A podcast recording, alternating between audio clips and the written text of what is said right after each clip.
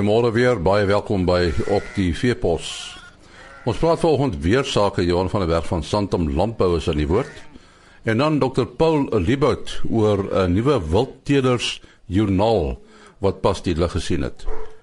Ons uh, gesels vanoggend weer sake met Johan van der Berg van Santam Landbou.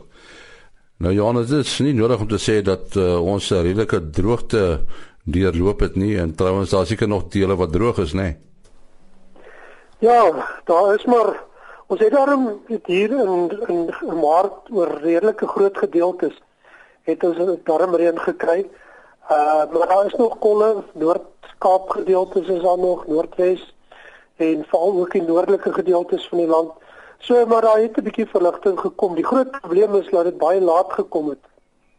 Dis veral vir somergrane waar die reën eintlik baie min nog gehelp het uh die meeste van die grane wat baie swaar gekry het uh, sal geen niks daarby baat nie en die wat daarom laat al geplant is en 'n bietjie reën gekry het uh behoort daarom nog veral by pitvol stadiums uh dalk 'n bietjie swaarder pitte te maak. Uh dit sal egter baie help vir die veiding. Ons weet uh dat hierdie sentraal tot westelike gedeeltes van die land dat Februarie, Maart en April is omtrent tussen 60 en 70% van ons veiding of veldgroei vind in hierdie maande plaas. So hierdie wat ons nou in, in Maart maand gekry het, uh oor groot gedeeltes dan so tussen 20 en 40 mm gekry, uh behoort daarom baie te help om om bietjie die die veidingstoestande te verbeter. Maar dan moet nog opvolg reën voorkom uh sodat hierdie toestande laat dit uh, dat hy nog 'n bietjie kan kan produseer alhoewel daar nie vreeslik baie gewees nie, maar die kwaliteit van die veiding behoort aan goed te wees. En wat is die vooruitsig vir opvolgreën? Dit lyk tog asof hier in April, veral die tweede gedeelte van April, uh, is daar kans vir reën, vir redelike kans, maar daar is ook ehm um, enkele tot meer verspreide baie vir die volgende 2 weke of so, maar waarskynlik meer na die oostelike gedeeltes. Uh eers hier teen die einde van April wys van die korttermyn voorspellings dat daar tog 'n bietjie kans vir die sentraal na westelike gedeeltes toe kan wees. Dis maar een wat hier van Angola se kant af kom. Dit is nog uh, tropiese volg uh wat in hierdie laat stadium daarom nog so bietjie uh, begin afbeweeg. Ons sien dat uh, die aktiwiteit hier in die Indiese Oseaan daarom nou begin afneem.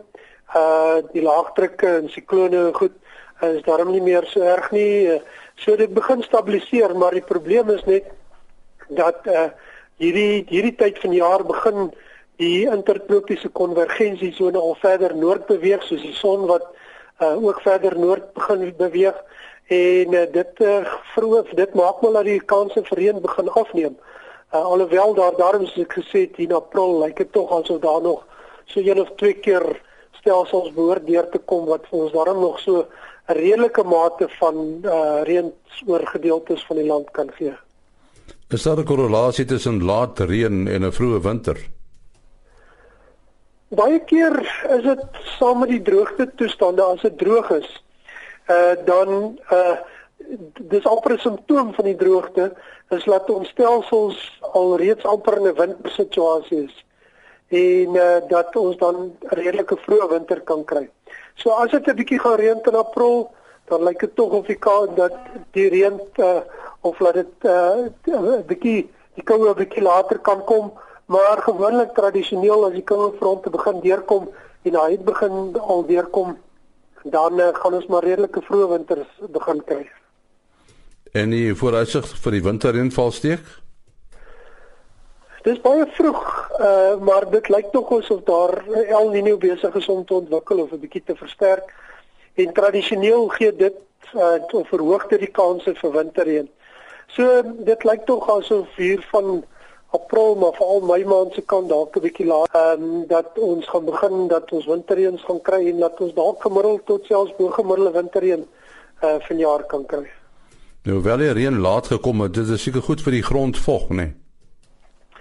Op hierdie stadium is is elke druppel reën val hier oor die sentrale en die noordelike gedeeltes sal help uh ons uh sit dat uh die die die graangewasse wat tans daar is nie meer veel vog gebruik nie maar dit kan dan baie help as daar redelik reën toe kom uh om die grondvol aan te vul vir volgende jaar.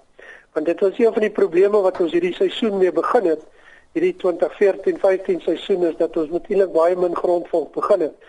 En alhoewel ons redelik reën oor gedeeltes November en Desember gekry het, was dit nie regtig waar genoeg om genoeg uh, grondvolk of grondvolk aanvulling te gee uh, om die seisoen te kan hou nie. En dit is waaroor uh, ons ernstige droogtes gehad het dan hier uh, veral rondom Februarie begin Maart gedeelte. Baie dankie Johan van der Berg van Santam Lampe. Ons uh, gesels met Dr Paul Libout van uh, WS2 en uh, ons gaan met hom praat oor 'n wildtelingsjoernaal wat pas verskyn het. Vertel ons meer van die, die joernaal Paul.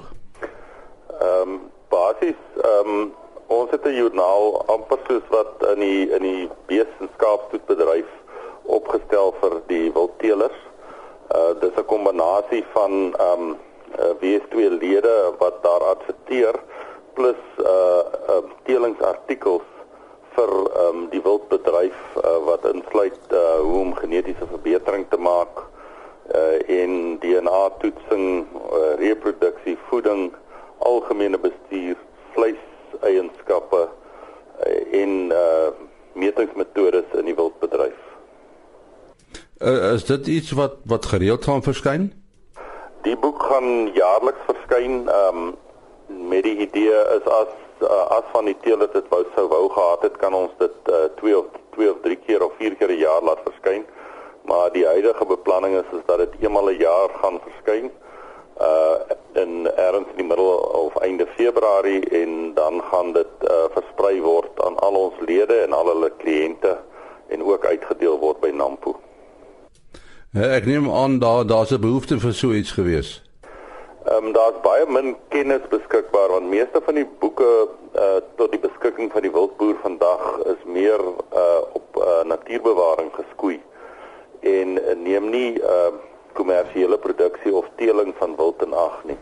En ek dink daar's 'n groot behoefte in die bedryf uh siene dat dit seker die um, die uh, uh mees uh belangrike opkomende bedryf in die veebedryf is om uh die boere relevante en toepaslike inligting te kan gee om uh, gesonde boerderybesluite te kan neem.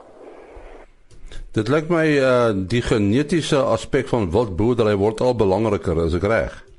Korrek, as mens as ons daarna kyk dat ehm um, die wildboere eintlik uh, vier uh, markte het waarvan een natuurlik vleis is, uh, die volgende is uh, natuurlik die ehm um, stoetbedryf dan die trofeebedryf en dan ehm um, ook uh natuurlik die ja, die normale jag en toerismebedryf wat 'n aantal meer inkomste strome vir die boer verseker.